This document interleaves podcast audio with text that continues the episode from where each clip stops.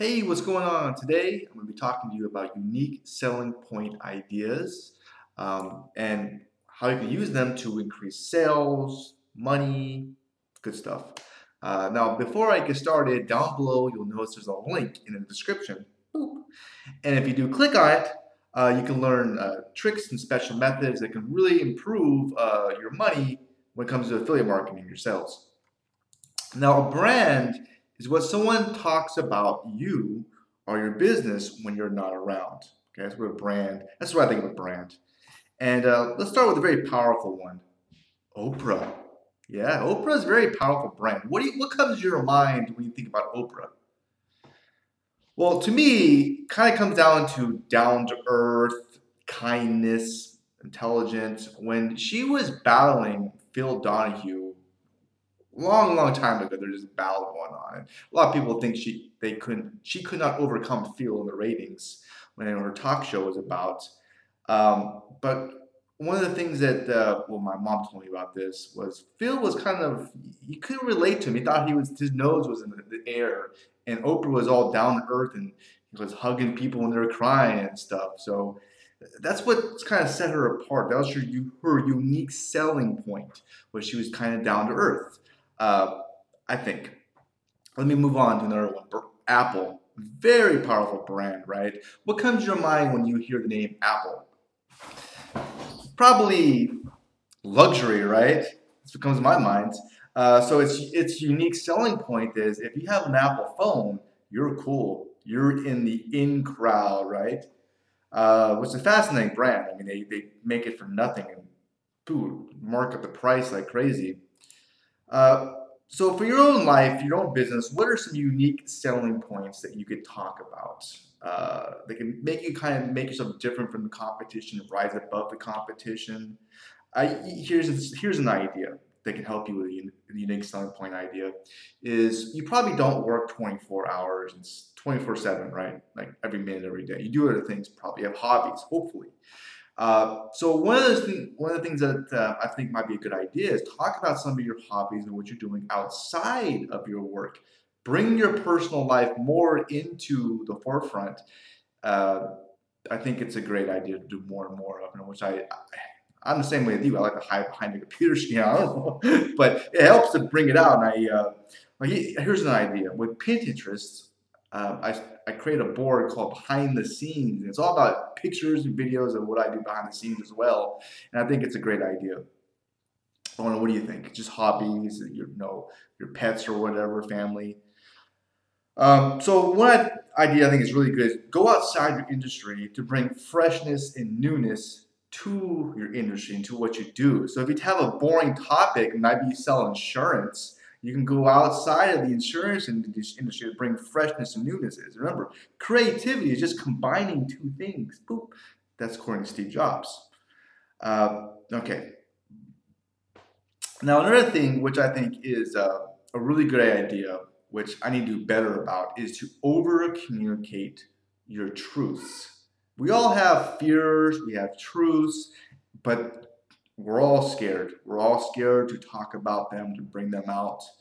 And I, I think it's really powerful if you if you do uh, your struggles, not just your happy moments, whatever social media platform you do.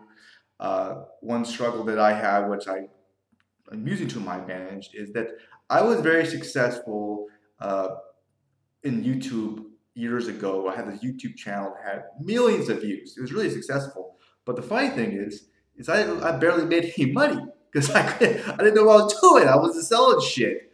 And that's why my passion changed. And I don't want to see people go through what I went through of making all these videos. I made a shitload of videos, got all this attention and views, and I didn't do anything with it.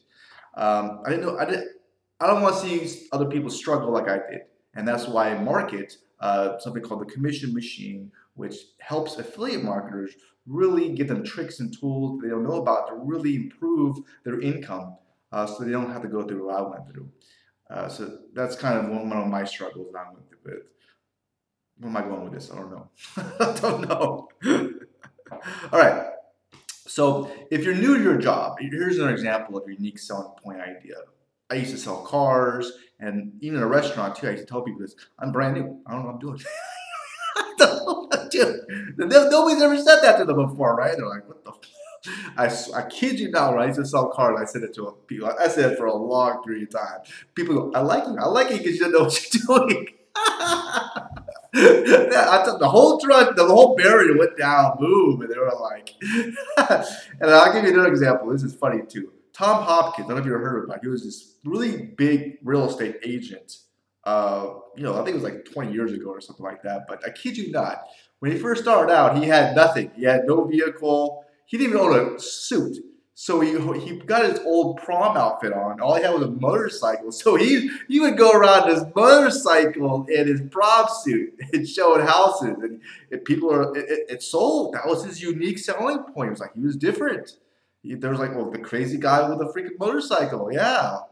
Be, there, there's a couple here. Okay. There's a book. It's called Differentiate or Die by Jack Trout. It's a really interesting book. I haven't read it in a long time.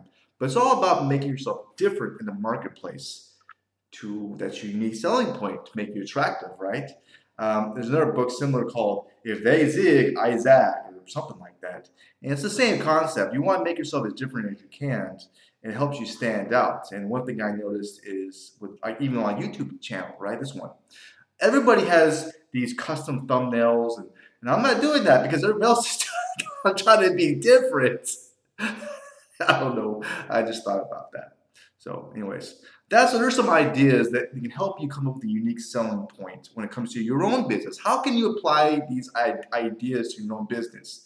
Whatever makes you unique and different, point that out. Don't be scared to be different. Um, and that's your unique selling point, okay? Uh, so that's it's good to be in the marketplace to think of to be a little bit different, talk about things what other people are not talking about whatever it is that can make you different than the competition, I think that's a good thing. Anyways, I hope you got some value uh, from this video or audio if you listen to a podcast. If you did, I really would appreciate you hit the thumbs up button. Uh, that would mean a lot to me.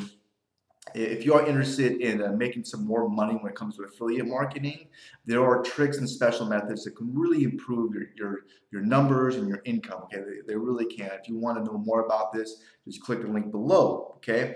Um, anyways, I wish you the best. Have a very great rest of your day. Uh, bye for now.